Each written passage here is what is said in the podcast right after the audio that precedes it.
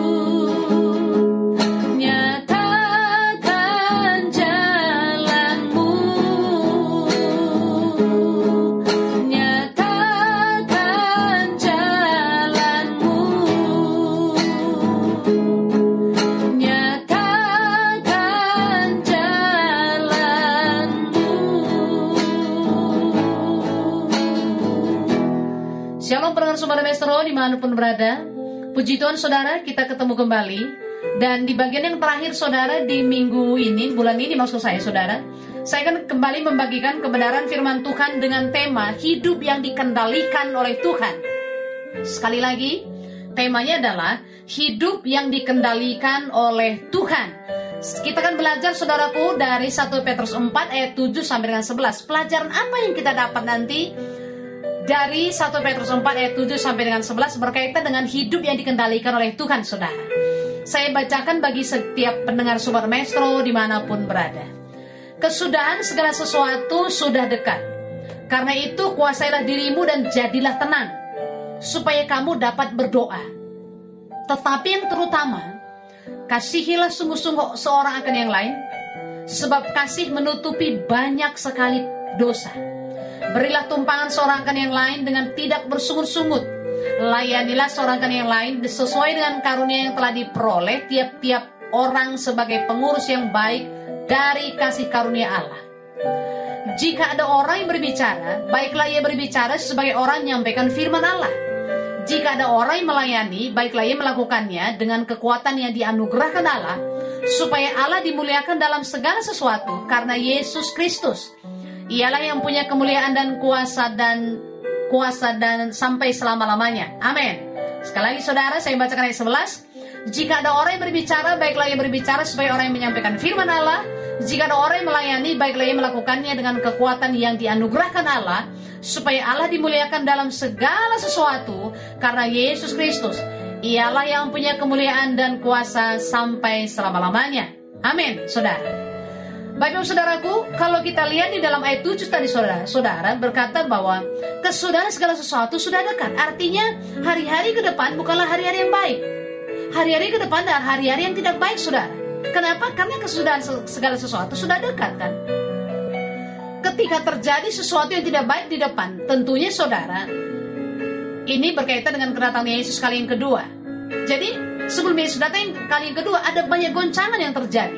Ada banyak eh, apa tekanan ataupun ada banyak persoalan yang sedang terjadi. Siapa menyangka saudara kalau ada COVID? Nggak ada yang berpikir kan? Ada gitu pendengar sobat maestro? Tahu kalau COVID ada, saudara kan nggak ada. Jadi segala sesuatu yang terjadi di depan tidak ada yang tahu. Karena itu adalah sebuah tanda-tanda kedatangan Yesus yang kali kedua kan. Karena itu saudara, apa yang kita harus lakukan? Kita harus menguasai diri kita supaya kita dapat tenang. Ketika kita tenang, maka kita dapat berdoa, Bapak Saudara. Yang setuju katakan amin. Yang setuju katakan amin, Saudara. Lalu saudaraku, kalau kesudahan segala sesuatu sudah dekat, apalagi harus kita lakukan? Kita harus mengasihi sungguh-sungguh seorang akan yang lain. Kita harus sungguh-sungguh mengasihi satu dengan yang lain, saudara.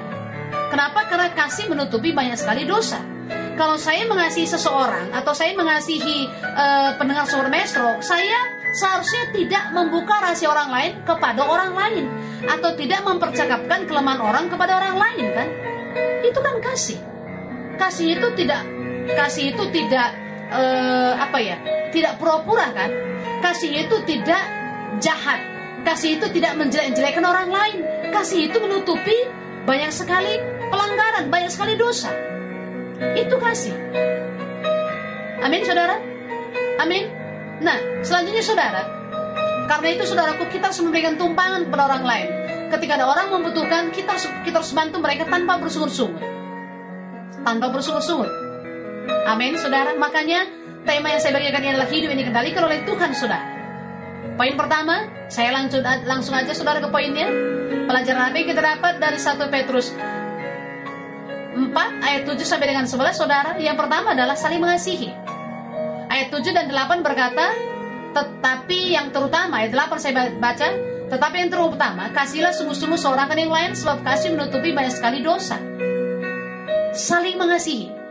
Dalam Amsal 10 ayat 12 berkata begini kan. Kebencian menimbulkan pertengkaran, tetapi kasih menutupi segala pelanggaran. Jadi kasih itu menutupi pelanggaran, kasih itu menutupi dosa. Kasih itu tidak mengumbar dosa orang lain. Tidak, saudara. Lalu poin kedua adalah saling melayani. Saling melayani, saudara. Ayat yang ke-9 berkata, Berilah tumpangan seorang akan yang lain dengan tidak bersungut-sungut. Layanilah seorang akan yang lain sesuai dengan karunia yang telah diperoleh tiap-tiap orang sebagai pengurus yang baik dari kasih karunia Allah. Jadi kita harus saling melayani satu dengan yang lain. Saling melayani. Ya, kalau di dalam Galatia 6 ayat 2 berkata begini, bertolong-tolonganlah menanggung bebanmu, demikianlah kamu memenuhi hukum Kristus. Jadi satu yang lain saling melayani, yang lemah yang lemah dilayani yang kuat.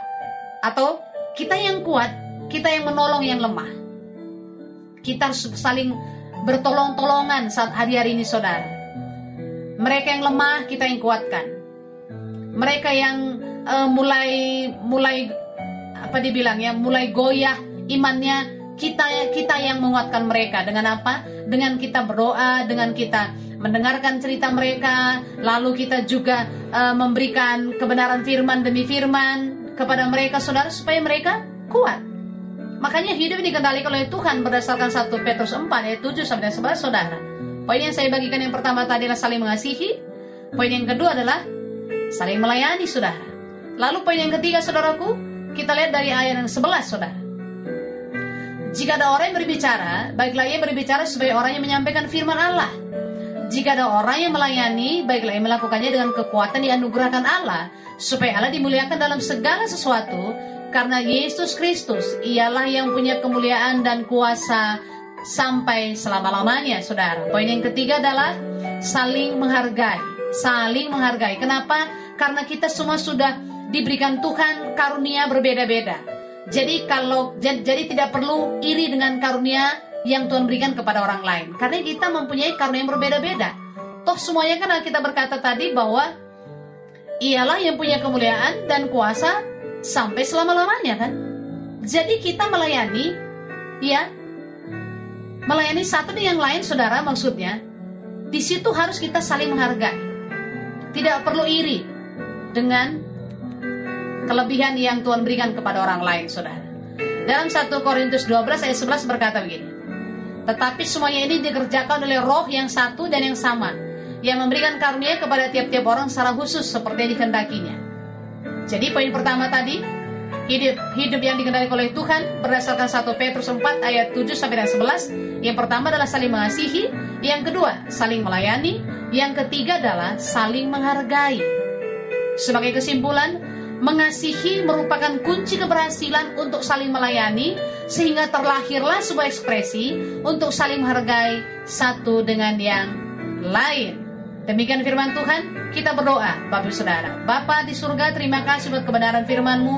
Kami bersyukur Tuhan, sebab ketika kami memberikan hidup kami yang dikendalikan oleh Engkau Tuhan, maka kami menjadi pribadi yang gemar untuk mengasihi satu dengan yang lain, gemar melayani satu dengan yang lain, dan kami juga menjadi pribadi yang menghargai satu dengan yang lain. Terima kasih Bapak di sorga kami bersyukur buat kebenaran firman-Mu, mampukan kami untuk mengerjakannya. Roh Kudus, terima kasih buat kesetiaan-Mu. Berkati Sobat Maestro di mana pun mereka berada. Bagimu segala kemuliaan, demi nama Tuhan Yesus kami berdoa dan mengucap syukur. Sama-sama kita katakan, Amin. Tuhan Yesus memberkati saudara. Sobat Maestro, Anda baru saja mendengarkan renungan firman Tuhan bersama Ibu Evangelis Sayang Tarigan MTH. Terima kasih atas perhatian dan kebersamaan Anda. Tuhan Yesus memberkati.